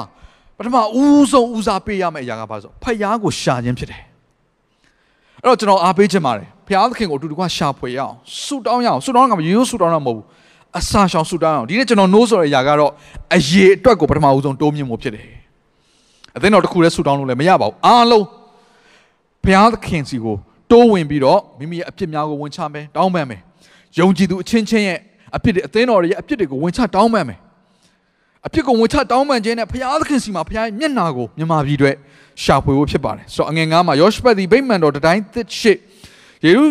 ယူဒပြည်သူယေရုရှလင်မြို့သားစီဝေးရပြည်သက်အလယ်၌ရက်လျက်ဘိုးဘေတို့၏ဘုရားသခင်ထာဝရဘုရားကိုရောသည်ကောင်းငင်ဘုံ၏ရှင်သခင်ဖြစ်တော်မူသည်မဟုတ်လောတပားမျိုးသားတို့နေရာတိုင်းနိုင်ငံရှိသမျှတို့ကိုအစိုးရတော်မူသည်မဟုတ်လောအဘယ်သူမျှမစည်းတားနိုင်အောင်ခွန်အားတကုကြီးတော်မူသည်မဟုတ်လောစသဖြင့်ဘုရားသခင်ရဲ့တက်ဆွမ်းနိုင်ခြင်းတွေဘုရားရှင်ရဲ့ ဖြစ်ခြင်းအလုံးစုံကိုသူကဝန်ခံပြီးတော့ကျွန်ုပ်တို့ဟာကိုတော့ကိုးကွယ်တော်သူတွေဖြစ်တယ်ဒါကြောင့်မလို့အငယ်ကုန်းကဘယ်လိုပြောလဲဆိုတော့ကျွန်ုပ်တို့အပေါ်မှာဓာဘေးဒဏ်ခတ်ခြင်းဘေးကာလနာဘေးမွတ်သိပ်ခြင်းဘေးတစုံတစ်ခုရောက်၍နာမတော်ဖြင့်သမုတ်တော်ဤအိမ်တော်အထံတော်တို့ကျွန်ုပ်တို့သည်ချင်းကပ်၍ဆင်းရဲဒုက္ခကြောင့်အော်ဟစ်ကြသောအခါနားထောင်၍ကယ်မတော်မူပါဟုရှောက်ထားကြပါပြီဆိုပြီးတော့စပြီးတော့ဒီတိုင်းနိုင်ငံကြုံတွေ့နေရပြဿနာကြီးကိုဘုရားသခင်ရှေ့မှာရှင်ဘုရင်ကနေပြီးတော့သူကတိုင်းပြည်တစ်ပြည်လုံးကိုနှိုးဆော်ပြီးတော့သူကိုယ်တိုင် အရှိမတင်ပြတယ်။ဒါဆိုရင်ဒီနေ့တိုင်းနိုင်ငံမှာဖြစ်ပျက်တဲ့အခြေအနေကိုဘုရားကမသိလို့လားဘုရားကအိပ်ပျော်နေလို့လားမဟုတ်ပါဘူး။ဘုရားခင်မသိတော့ရတဲ့စုံတစ်ခုမှမရှိပါဘူးဘုရားအကုန်လုံးသိတယ်။ဒါပေမဲ့ဘုရားခင်နာမနဲ့သမုတ်၍ရွေးခေါ်တော်သူ့ရဲ့သားသမီးတွေကထိုဘုရားခင်ရှေ့မောက်ကိုလာပြီးတော့သူတို့ရဲ့ဝန်တော့ဝန်ပိုးကိုဘုရားရှိခိုးချထားခြင်းဆိုတဲ့အရာကိုဘုရားရှင်ကမျှော်လင့်တာဖြစ်တယ် တကယ်တော့ကျွန်တော်ဘုရားရှင်ရဲ့ရှေ့ကိုရောက်လာတဲ့အခါမှာကျွန်တော်လိုအပ်တဲ့အရာတွေကိုတောင်းခံဖို့တခုတည်းတသက်မဟုတ်ပါဘူးဆူတောင်းခြင်းဆိုတဲ့အရာကကျွန်တော်တို့ဖြစ်ချင်တဲ့အရာတွေအားလုံးကိုဘုရားရှင်အလိုတော်အောက်မှာကျွန်တော်တို့အာဝန်ခံလိုက်ခြင်းဖြစ်တယ်နှိမ့်ချလိုက်ခြင်းဖြစ်တယ်ဆိုတော့ကျွန်တော်ဖြစ်ချင်တဲ့အရာတွေရှိနေမယ်ကျွန်တော်ထမ်းထားတဲ့ဝန်တုပ်တွေရှိနေမယ်တနည်းအားဖြင့်ပြောရမယ်ဆိုကျွန်တော်ဖြစ်ချင်တဲ့အရာဆိုတာကကျွန်တော်ထမ်းထားတဲ့ဝန်တုပ်ပဲဒီအရာအားလုံးကိုဘုရားရဲ့ရှေ့မှာချမယ်ဆိုရင်လည်းဘုရားသခင်စီရင်မယ်တဲ့ ဆိုတော့ဘုရားသခင်ကသူ့ရဲ့အလိုတော်အောက်မှာကျွန်တော်တို့ရဲ့လုံဝင်ဆန္ဒတွေအားလုံးကိုချဖို့ရန်အတွက်အလိုရှိတယ်ဘယ်လိုနည်းအားဖြင့်လဲအစာရှောင်ခြင်းဆုတောင်းခြင်းအားဖြင့်ဟောဘုရားသခင်ရှေ့မှာကိုဝန်ကိုထမ်းထားတဲ့ဝန်တော့ဝန်ပိုးတွေကိုဖွင့်ဟမွတ်ဆိုဝန်ခံခြင်းအားဖြင့်ဘုရားသခင်ရှေ့ကိုတိုးဝင်ဖို့ဘုရားမျက်နှာကိုရှာဖို့အလိုရှိပါတယ်အဲ့တော့ဆုတောင်းခြင်းနဲ့ပတ်သက်ရင်အရန်ကိုဒါဆူတောင်းသူရဲကောင်းတွေရှိကြပါတယ်เนาะဆူတောင်းသူရဲကောင်းတယောက်နာမည်က John Scott လို့ခေါ်တယ်သူကတော့2005ခုနှစ်မှာ Time Magazine က နော်ဒီကမ္ဘာလုံးမှာရှိတဲ့နော်ဒါ Time Magazine ကအမြဲတမ်းနှစ်တိုင်းမှာသူ list လုပ်လို့ရှိပါအဲ့ဒါကဘာလဲဆိုတော့နော် top 100နော်ထိတ်ဆုံးမှရှိတဲ့လူ100ပေါ့တကမ္ဘာလုံးကိုလွှမ်းမိုးနိုင်တဲ့လူ100ဆိုတဲ့နာမည်ကိုအမြဲတမ်းသူက list လုပ်လို့ရှိတယ်ဆို2005ခုနှစ်မှာ Time Magazine ကနေပြီးတော့ list လုပ်တဲ့အဲ့ဒီနော် most influential people ဆိုတဲ့အယောက်100ထဲမှာနော်ဘသူပါလာလဲဆိုတော့ John Scott ဆိုတဲ့ဆရာကြီးပါလာတယ် John Scott ကဘသူလဲဆိုရင် သူဟာဆုတောင်းခြင်းမှာဥဆောင်တဲ့ဆရာကြီးဖြစ်တယ်ဆုတောင်းခြင်းမှာအင်ဗရမအားကြီးတဲ့ဆရာတယောက်ဖြစ်တယ်သူဟာသူတက်ကတော်တက်တဲ့အချိန်ကလေးကမနေ့6နာရီဆိုရင်တခါအလံပေးပြီးတော့ဆူတောင်းခြင်းနဲ့နိုးထားသလိုနောက်ဆုံးညမှာလဲဆူတောင်းခြင်းနဲ့ပဲသူကအဆုံးသက်တော်သူတယောက်ဖြစ်တယ်နောက်နောက်ပိုင်းကျတော့သူကသူ့ရဲ့ဆူတောင်းခြင်းကိုတခါတည်းနော်မနေ့6နာရီကနေ9နာရီတခါတည်းအလံကိုပြောင်းပြီးတော့မနေ့တိုင်းမှာမပြတ်မကွက်ဆူတောင်းခြင်းနဲ့နေ့ကောညကောဆူတောင်းခြင်းနဲ့တိုးဝင်တဲ့သူတယောက်ဖြစ်တယ်ဆိုတော့ဒီဆူတောင်းတဲ့လူတယောက်ကဆူတောင်းတဲ့ဆရာကြီးတယောက်ကတကဘာလုံးမှာအလွှမ်းမိုးမှုအရှိဆုံး နော်ဒါ top 100စင်းထဲမှာပါတယ်ဆိုတာကတော့အံ့ဩစရာပဲဒါဆိုသူ့ရဲ့ဆူတောင်းခြင်းကဘလောက်တောင်မှတော့အားကြီးတယ်လေအဲ့တော့နောက်ဆုံးမှသူ့ရဲ့သူကအရန်နာမည်ကြီးလာတော့ကြောင့်မလို့သူ့ကိုအင်တာဗျူးတဲ့ခါမှာအင်တာဗျူးတဲ့သူကသူ့ကိုဘယ်လိုမေးလဲဆိုဆရာကြီးဆရာကြီးမှသာငငယ်တုန်းကတော့အချိန်နေပြန်ရမယ်ဆိုရင်ဆရာကြီးဘာများလုပ်ဖို့ရှိပါသလဲเนาะအခုလိုမျိုးဆူတောင်းခြင်းအမှုတော်ဆောင်ခြင်းမဟုတ်ဘဲတခြားဘာများလုပ်ဖို့ရှိပါသေးလဲလို့သူ့ကိုမေးတဲ့ခါမှာသူကခဏလောက်သူကเนาะ post လုပ်ပြီးခဏလောက်ပေါ့နော်ရက်သွားပြီးတော့သူစဉ်းစားပြီးတော့ဘာပြန်ပြောလဲဆိုတော့ငါပို့ပြီးတော့ဆူတောင်းဖြစ်မယ်တဲ့ သူမှအချိန်ကြီးသာထက်ရအောင်မယ်ဆိုရင် तू ဘာလုပ်မလဲဆိုတော့ပို့ပြီးတော့ဆူတောင်းအောင်မယ်ကျွန်တော်မြန်မာပြည်အတွက်နော်အရင်တုန်းကဆူတောင်းခဲ့တာတွေထက်အခုချိန်ဟာပို့ပြီးဆူတောင်းအောင်မယ်အချိန်ကာလတစ်ခုဖြစ်ရောက်နေပါတယ်ဒါကြောင့်ဒီနေ့ဒီဆူတောင်းခြင်းဆိုတဲ့အရာကိုပဲစပြီးတော့ကျွန်တော်ပြန်နှိုးဆော်ခြင်းတယ်โอเคဆိုဒီဇလန်လေးကိုကြည့်လိုက်တဲ့အခါမှာပထမဦးဆုံးသူတို့ဒီတိုင်းနိုင်ငံပြင်ဆင်တဲ့အရှင်ဘရင်ပြင်ဆင်တဲ့အရာခေါင်းဆောင်တွေပြင်ဆင်တဲ့အရာက နော်စစ်တိုက်ဖို့မဟုတ်ဘူးပြောမှဆိုရင်သူတို့ဓားလန်လက်နက်ကိုဆွဲဖို့အရင်ဆုံးမလုပ်ဘူးသူတို့ပထမဦးဆုံးလုပ်တဲ့အရာတစ်ခုကအစာချောင်းဆူတောင်းခြင်းနဲ့ဖျားသခင်ရှေ့မှာသူတို့ရဲ့ဝန်တုပ်တွေအားလုံးကိုချလိုက်တာဖြစ်ပါတယ်เนาะကိုတော့ကိုသာကျွန်တော်တို့မျှော်ကြည့်နေပါတယ်ဆိုတော့ဆူတောင်းနေတယ်เนาะအငယ်7နှစ်မှာဆိုရင်အိုးကျွန်တော်တို့ဘုရားသခင်သူတို့ကိုမစင်မဲနေတော်မူမီလောအကျွန်တော်တို့ကိုတိုက်အံသောငါလာသောဤအလုံးချင်းကြီးကိုကျွန်တော်တို့စီတာခြင်းကမတက်နိုင်ပါကျွန်တော်တို့မတက်နိုင်ပါဘူးဆိုတဲ့အရာကိုသူတို့ဝန်ခံကြတယ်။ကဲဒီနေ့ယုံကြည်သူများကျွန်တော်မြန်မာပြည်နဲ့ပတ်သက်ပြီးတော့ကျွန်တော်တို့ တက်ဆွမ်းနိုင်တဲ့အရာတွေကိုဝန်ခံပြီးခဲ့တဲ့အချိန်ရှိကောင်းရှိပါလိမ့်မယ်ဒီနေ့ဘုရားသခင်ရှေ့မှာဝန်ခံနှိမ့်ချစွာနဲ့ဝန်ခံရမယ့်အရာတစ်ခုကဘုရားသခင်ကျွန်တော်တို့လွတ်ခွန်အားအစွမ်းတတ္တိနဲ့စ조사သမျှဒီမြန်မာပြည်ကိုပြောင်းလဲဖို့ရန်ဘယ်လိုမှမတက်နိုင်ပါဘူးဆိုတော့ဝန်ခံတတ်ဖို့အရင်ရေးကြည့်တယ်။ဘာကြောင့်လဲ။ရန်သူကအင်မတန်မှကြီးမားတယ်မဟုတ်ဘူးလား။ဆိုတော့မြန်မာပြည်ကနော်ဒါ civil war ဆိုတဲ့ပြည်တွင်းစစ်ဆိုတဲ့အနေအထားနော်တိုင်းရင်းသားလက်နက်ကိုင်တွေနဲ့နော်စသဖြင့်ဒါဒါပြည်မမှာရှိတဲ့ နော်အာဒါအစိုးရတွေနဲ့စသဖြင့်နော်ဆွေးနွေးတယ်ဆွေးနွေးလာခဲ့အရာတွေတိုက်ခိုက်လာခဲ့အရာတွေမညီမညွတ်ဖြစ်ခဲ့တဲ့အရာတွေဟာဒီတစ်နှစ်ထဲမှာမဟုတ်ပါဘူးနှစ်ပေါင်းများဆိုကျွန်တော်တို့ generation after generation ကြော်ဖြတ်ခဲ့တဲ့အခါမှာမြန်မာပြည်အခုဒီလိုအခြေအနေကိုကြော်ဖြတ်နေရတာဖြစ်ပါတယ်ဆိုတော့ဒါကြီးကနော်တရက်ထဲနဲ့ပြီးသွားမယ့်ကိစ္စလည်းမဟုတ်ဘူးကျွန်တော်ယုံကြည်တယ်တစ်နှစ်ထဲနဲ့ပြီးသွားမယ့်ကိစ္စလည်းမဟုတ်ဘူးနောက်တက်ဒီပြဿနာကြီးအားလုံးကြော်သွားပြီးရင်တော့နောက်တက်နှစ်ပေါင်းများစွာဆွေးနွေးညှိနှိုင်းခြင်းတွေနော်အများကြီးလုပ်ရမယ်နိုင်ငံကိုပြန်လဲပြီးတော့ပြိုပြတ်တဲ့ຢာတွေကိုတိဆော့မယ့်အချိန်ကာလတစ်ခုနှစ်ပေါင်းများစွာကြော်ဖြတ်မှာဖြစ်တဲ့ကြောင့်မလို့ ဒီအရာကိုငါတို့တတ်နိုင်တယ်ဆိုတဲ့အရာမျိုးနဲ့မချင်းကပ်ဖဲနဲ့ဖျားသခင်ကိုတော့ကျွန်တော်တို့ဤအလုံးချင်းကြီးကိုကျွန်တော်တို့စီတာခြင်းကမတက်နိုင်ပါရင်ဆိုင်ခြင်းကမတက်နိုင်ပါဖြိုဖျက်ခြင်းကမတက်နိုင်ပါခြေမုံခြင်းကမတက်နိုင်ပါဆိုတော့ကျွန်တော်တို့နော်တက်ဆွမ်းနိုင်ခြင်းတွေကိုထားပြီးတော့မတက်နိုင်ဘူးဆိုတဲ့အရာကိုဖျားရှင်မှာဝန်ခံတတ်ဖို့အရန်ရေးကြည့်ပါတယ်ဆိုတော့ယောရှဘတ်ကရှင်ဘုရင်တယောက်ဖြစ်ပေမဲ့သူ့မှာစစ်တပ်ရှိပေမဲ့တမိုင်းကိုလည်းသူကမသိတဲ့လူမှမဟုတ်တာသိတာပေါ့ရှင်ဘုရင်တယောက်ပဲ ဟိုးသူရဲ့ရှေ့မှာရှိခဲ့တဲ့ရှင်မင်းဆက်ဆက်အဲ့မှာဒါဝိလည်းပါမှာပဲဆိုတော့သူကြည့်ခဲ့မှာပဲအရင်တော့မောရှေတို့နော်ယောရှိတို့ကာလက်တို့မှာစာအကုန်လုံးသူဒီသမိုင်းကြောင်းကိုသူအကုန်လုံးသိမှာပဲဣသရေလရှင်ပြန်တယောက်အနေနဲ့ဒါပေမဲ့သူကအရင်တုန်းကနိုင်ခဲ့တဲ့တိုက်ပွဲတွေပေါ်မှာသူကမမိခိုဘူးသူ့မှာရှိတဲ့စစ်တပ်ကြီးကိုသူအာမကိုဘူးသူဘယ်သူ့ကိုအာကိုလဲဆိုတော့ဖျားသခင်ကျွန်တော်တို့မတတ်နိုင်ပါဘူးကြောက်ပါတယ်ကျွန်တော်တို့မှာဒီဝန်ထုတ်ဝန်ပိုးတွေရှိပါတယ် ကိုတော့ကိုကျွန်တော်မျှော်ကြည့်ပါတယ်ဆိုပြီးသူဆူတောင်းတယ်ကျွန်တော်တို့ဒီစီတန်းချင်းကမတက်နိုင်ပါအဘယ်တော့ပြုတ်ရမည်ကိုမသိပါနီလန်းလည်းမရှိပါဘူးကိုတော့နော်ချို့တွေကတခုပြဿနာတခုကိုဖြေရှင်းတဲ့အခါမှာငါတို့မှာနီလန်းရှိတယ်ဒီနီလန်းအကောင်းဆုံးဖြစ်တယ်ဒီနီလန်းနဲ့ဆိုရင်ငါတို့တော့အောင်မြင်နိုင်မယ်လို့အဲ့လိုမျိုးစဉ်းစားလေးရှိတယ်နော်တခါဒီမှာအဲ့နီလန်းတွေကဘုရားသခင်ပေးတဲ့နီလန်းမဟုတ်ဘူးဆိုရင်အဆုံးသက်မှာဆုံးရှုံးခြင်းလည်းရောက်နိုင်တယ်ဒါကြောင့်မို့ကျွန်တော်တို့နီလန်းဖြစ်ရင်တော့မှအဲ့နီလန်းဒီဘုရားသခင်စီကလာတဲ့နီလန်းဆိုရင် အောင်မြင်ခြင်းရမှာဖြစ်တယ်အာမင်ဒါကြောင့်မို့ကျွန်တော်တို့ကဘလို့နားလဲဘလို့ဘလို့ဝန်ခံတတ်ဖို့လို့လဲဆိုရင်ကျွန်တော်တို့ဘလို့ဖြေရှင်းရမလဲဆိုတာမသိပါဘူးအဲ့တော့ယောရှဘကဘလို့ပြောလဲအဘယ်တော့ပြုရမည်ကိုမသိပါကိုတော်ကိုသာမျှော်ကြည့်လက်နေကြပါသည်ဟုဆုတောင်း၍ယူဒလူအပေါင်းတို့သည်တာမယာတငယ်တို့နှင့်တကွာထာဝရဘုရားရှေ့တော်၌ရက်နေကြ၏ဆိုတော့ဒီຢာလေးကဘာကိုပြောနေလဲဆိုရင်ဣသရေလလူမျိုးတယောက်မကြံ ယူဒလူမျိုးတယောက်မကြံဒီနေ့အဲ့ဒီအစ္စရေးတိုင်းနိုင်ငံမှာဒီအလုံးရင်းဆိုပြဿနာကြီးကိုကြုံရတဲ့အချိန်မှာအားလုံးကဘုရားကိုရှာတယ်ဆိုတာကိုထင်ရှားတွေ့ရတယ်ဒါကြောင့်ကျွန်တော်တို့ကအချိန်မြင့်ရမယ့်ຢာတစ်ခုကဘာလဲဆိုတော့ဆုတောင်းခြင်းအချိန်မြင့်တဲ့ခါမှာပထမတစ်ခုနော်စုဘယ်နှကြိမ်တောင်းလဲဆိုတဲ့အကြောင်းမပြောသေးပထမတစ်ခုလူအရေးအတွက်ကိုတိုးမြင့်မို့လို့တယ်ကိုယ့်အိမ်မှာဘယ်သူရှိတယ်ခလေးတွေရှိတာခလေးတွေကိုတိုင်းနိုင်ငံအတွက်စုတောင်းဖို့တင် जा ပေးရမယ်လူငယ်တွေရှိတာလူငယ်တွေကိုစုတောင်းဖို့အတွက်တင် जा ပေးရမယ်လူကြီးတွေရှိတာလူကြီးတွေကိုနှိုးဆော်ရမယ်အကုန်လုံး အိမ်သူအိမ်သားတွေအသင်းသူအသင်းသားတွေယုံကြည်သူတွေမြန်မာနိုင်ငံလုံးမှာရှိသောယုံကြည်သူများကမ္ဘာအနှံ့မှာပြန့်နေသောယုံကြည်သူမြန်မာလူမျိုးများအားလုံးကစိတ်သဘောတည်ငြိမ်တည်ငြိမ်တဲ့ဒီတိုင်းနိုင်ငံကိုကဲနှုံးမဲ့နီးလန်းနေနဲ့နော်လှုပ်ဆောင်နိုင်သောတကောခွန်အစွမ်းတတ္တိအကျွန်ုပ်တို့မှာမရှိပါဘူးဆိုတာကိုနှိမ်ချစွာနဲ့ဝန်ခံပြီးတော့ဖျားမျက်နှာကိုရှာမယ်ဆိုရင်ဖျားကသူ့နီးလန်းတွေကိုစပြီးဖွင့်ပြမယ်ဆိုကျွန်တော်ယုံကြည်တယ်အဲ့တော့ဒီဇလန်းထဲမှာတော့ဖျားရှင်ကနီးလန်းတစ်ခုကိုယောရှဘတ်ကိုဖွင့်ပြပါတယ် ထိုအခါပရိသတ်လယ်၌ရှိသောလေဝိအမျိုးအာသက်အနွယ်မတ္တနိယေယေလဖေနယဇာခရီတို့မှဆင်းသက်သောယဟာဇေလအပေါ်သို့ထာဝရဘုရား၏ဝိညာဉ်တော်သည်တက်ရောက်၍ထိုသူကအိုးယောရှုမင်းကြီးနှင့်ယူဒပြည်သူယေရုရှလင်မြို့သားအပေါင်းတို့နားထောင်ကြလော့ထာဝရဘုရားမိန့်တော်မူသည်ကားထိုအလုံးရင်ကြီးကြောင့်မကြောက်ကြနဲ့စိတ်မပြတ်ကြနဲ့စစ်မှုသည်သင်တို့တာမဟုတ်ဘုရားသခင်တာဖြစ်၏အာမင်ဟာလေလုယာ နေ့တစ်ခါတည်းမှာကျွန်တော်ရင်ဆိုင်ရတဲ့တိုက်ပွဲတွေကဘုရားသခင်ကပဲတိုက်ပေးတာပါကျွန်တော်တို့ကအောင်ပွဲကိုယူဖို့ရန်အတွက်ဘုရားစီကအတန်ကိုနားထောင်ရတာဖြစ်တယ်ဆိုတော့ဘုရားသခင်စီမှာသူတို့ဆုတောင်းတဲ့ခါကျတော့ဘုရားသခင်ကတစုံတယောက်သောသူရဲ့ပုံမှာတန်ရှင်သောဝိညာဉ်တော်တက်ရောက်လာပြီးတော့အဲ့ဒီမှာသူကနီလန်းကိုစပြီးတော့ပြောပြလာတယ်နီလန်းနဲ့သူဘာပါလာလဲဆိုတော့ခွန်အားပေးတဲ့စကားတွေပါလာတယ်ဟာလေလုယာဘုရားရှင် prophet ပြုခြင်းနဲ့နော်ဘုရားသခင်ပြုမဲ့အမှုတွေပါလာတယ်ဘုရားဘုရားရှင်ပြုမဲ့အမှုကပါလေဟေးဒီတိုက်ပွဲကမင်းတို့တိုက်ရမယ့်တိုက်ပွဲမဟုတ်ဘူး ငါတိုက်မယ်ဆိုရယ်ဘုရားသခင်ဘက်ကဂတိပြုတဲ့နော်ဂတိပြုခြင်းပါလာတယ်ဆိုတော့ဘာဖြစ်လဲအဲ့တော့မနေ့ပြန်ကြရင်သူတို့ရှိတဲ့နေရာကိုခြိသွားမှာပြီးတော့ဘာလုပ်ခိုင်းလဲဆိုတော့တချင်းဆိုမဲ့သူတွေကိုပြင်ဆင်ခိုင်းတယ်ဟာဒါဟာတော်တော်လေးအံ့ဩစရာပဲနော်စစ်ပွဲတစ်ပွဲတိုက်မယ်တစ်ဖက်မှာခြီလာတဲ့စစ်တပ်ကတနိုင်ငံနဲ့မဟုတ်သုံးနိုင်ငံဒီလောက်များပြားတဲ့စစ်တပ်ကြီးကိုရင်ဆိုင်ဖို့ရန်အတွက်တကယ်တော့တိုင်းနိုင်ငံတစ်ခုပြင်ဆင်ရမှာကအ ਨੇ ဆုံးတော့ကိုယ်တိုင်းနိုင်ငံမှာရှိတဲ့စစ်တပ်ကိုပြင်ဆင်ရမှာမဟုတ်ဘူးလား ဒါပေမဲ့ကျမ်းစာမှာတော့ဘလို့ရေးလဲဆိုအရင်ဆုံးရှေ့ဆုံးကနေပထမဦးဆုံးလုပ်ရမယ့်နီးလန်းကဘာလဲဆိုရင်ဖះကိုချီးမွမ်းခြင်းဖြစ်တယ်တဲ့ဖះကိုချီးမွမ်းခြင်းဖြစ်တယ်ဆိုတော့ဖះကိုချီးမွမ်းတဲ့ခါမှာလည်းမျိုးစုံရှိပါတယ်နော်အဲ့တော့ကျွန်တော်တို့ချီးမွမ်းတဲ့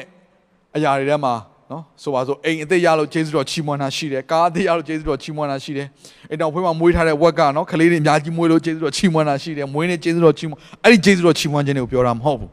ကျမ်းစာကိုဖတ်လိုက်တဲ့အခါမှာဘုရားသခင်တန်ရှင်ခြင်းဘုရားရဲ့ဖြစ်ခြင်းနဲ့ဘုရားရဲ့နာမတော်တွေကိုချီးမြှောက်ခြင်းဆိုတဲ့ချီးမွမ်းခြင်းကိုဒီသချင်းတွေကလောက်ကြတာဖြစ်တယ်ဒါကြောင့်မလို့ဒုတိယအရှိန်မြင့်ရမယ့်အရာတစ်ခုကဘာလဲဆိုရင်ချီးမွမ်းခြင်းဖြစ်တယ်ဟာလေလုယာအာမင်ချီးမွမ်းခြင်းကိုအရှိန်မြင့်ရမယ်ကျွန်တော်တို့အဲ့တော့ဆူတောင်းယုံနဲ့မှန်တယ်ဆူတောင်းယုံနဲ့မရဘူးလားမှန်တယ်ဆူတောင်းရမယ်ဒါပေမဲ့ဆူတောင်းတဲ့အခါမှာဘုရားကပြန်ပြီးတော့လောက်ရမယ်နီးလန်းတွေကိုဖွင့်ပြတယ်